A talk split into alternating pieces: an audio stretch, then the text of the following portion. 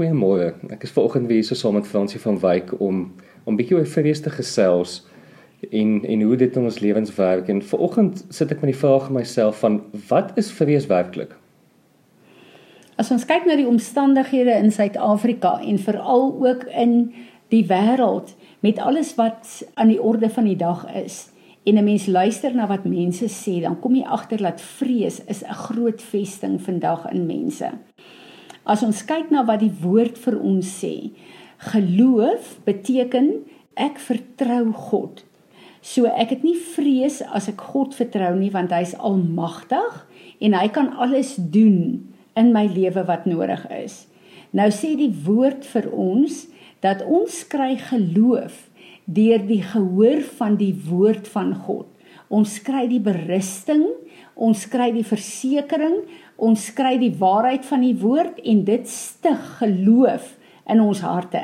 Want hoe meer ons die woord hoor en ken, hoe meer leer ons God ken en hoe meer kan ons hom vertrou om te doen wie hy wat hy kan doen en om te wees vir my wie hy gesê het hy gaan wees.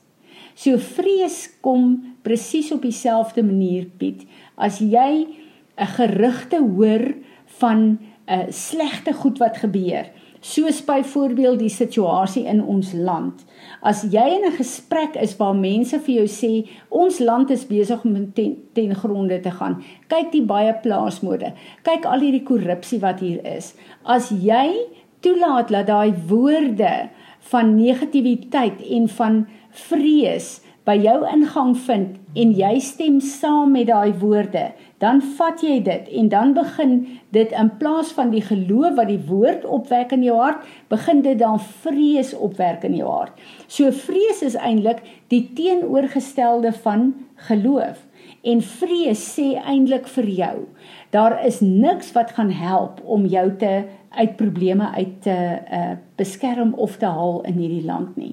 So waar jy deur die gehoor van die woord geloof in God het om te weet dat Daar's niks wat met jou kan gebeur wat jou God nie kan hanteer nie want hy's die God van die onmoontlike.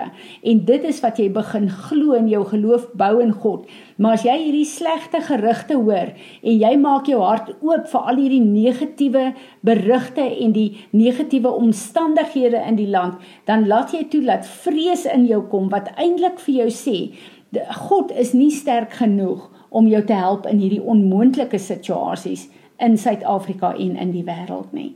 Ek dink as ons so sterk ehm uh, verstaan en oortuig is dat die woord die basis van ons lewe is, dan is dit interessant dat uh, Paulus vir Timoteus geskryf het in 1 te, in 2 Timoteus 1 vers 7 en ek lees vir ons uit die amplified for god did not give us a spirit of cowardice or uh, of craven and cringing and fawning fear, but he has given us a spirit of power and love and of calm and well balanced mind and discipline and self control. En dit is so interessant dat Paulus vir Timoteus sê, moet nie vrees in jou toelaat nie, want die oomblik as jy vrees in jou toelaat, dan gaan jy nie meer 'n goed gebalanseerde verstand hê nie. Dan gaan jy nie selfbeheersing hê nie, want vrees laat jou jou selfbeheersing verloor en uh, laat jou toegee aan vrees sodat vrees jou begin beheer en jy kan jouself nie meer beheer nie. So vrees is nie net 'n uh, woorde of 'n uh, 'n uh, 'n gedagtepatroon wat jy toelaat nie. Vrees is 'n mag wat oorneem en wat jou begin beheer. So waar jy jouself kan beheer in die woord van God in jou onderwerp aan die die woord van God, die vrug van selfbeheersing is een van die vrugte van die Heilige Gees van God. So jy met selfbeheersing sê jy jy besluit wat jou beheer. Waar hierdie skrif wat wat Paulus vir Timoteus waarsku, as jy oorgee aan vrees, dan gaan vrees jou begin beheer. Piet wat vir my so interessant is terwyl Paulus hier vir Timoteus sê hy moenie vrees toelaat nie want vrees gaan beheer oor hom om uh, neem en dan kan hy nie sy selfbeheersing onder die die beheer van die Heilige Gees in sy lewe toepas nie. As jy kyk na die woord van die Here, dis vir my baie interessant om te sien dat daar is 365 verse in die Bybel wat gaan oor wat sê moenie vrees nie.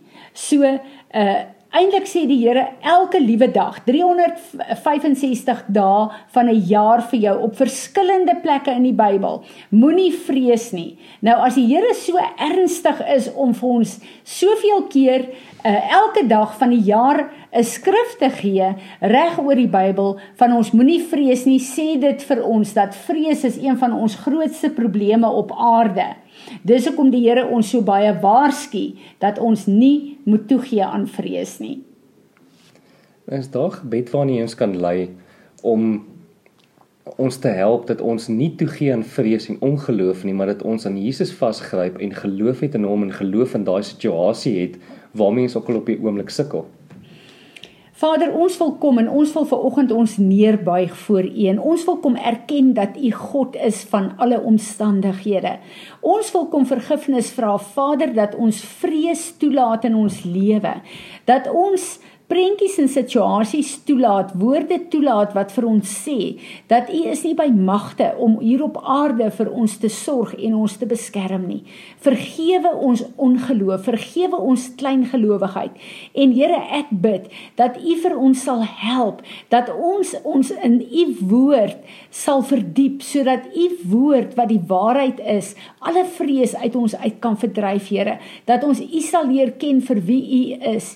En Vader, ek bid dat U ons elkeen in 'n dieper verhouding as ooit tevore in hierdie tyd op aarde met U sal intrek, Here, dat ons sal weet soos wat ons weet, daar is niks wat met ons kan gebeur wat U nie kan hanteer nie. U sê vir ons in Hebreërs 13 vers 5, U sal ons nooit nooit nooit in die steek laat nie. U sê dit 3 keer. Vader wat vir my 'n versekering gee dat Vader, Seun en Heilige Gees is 'n een eenheid om alles wat ons op aarde nodig het vir ons te gee soos wat ons tot U nader en U vra. Here Jesus, ek bid dat U ons sal help om elke vesting van vrees wat ons toegelaat het af te breek sodat geloof in ons harte kan opstaan en ons in 'n gawe van geloof kan begin vloei. Amen.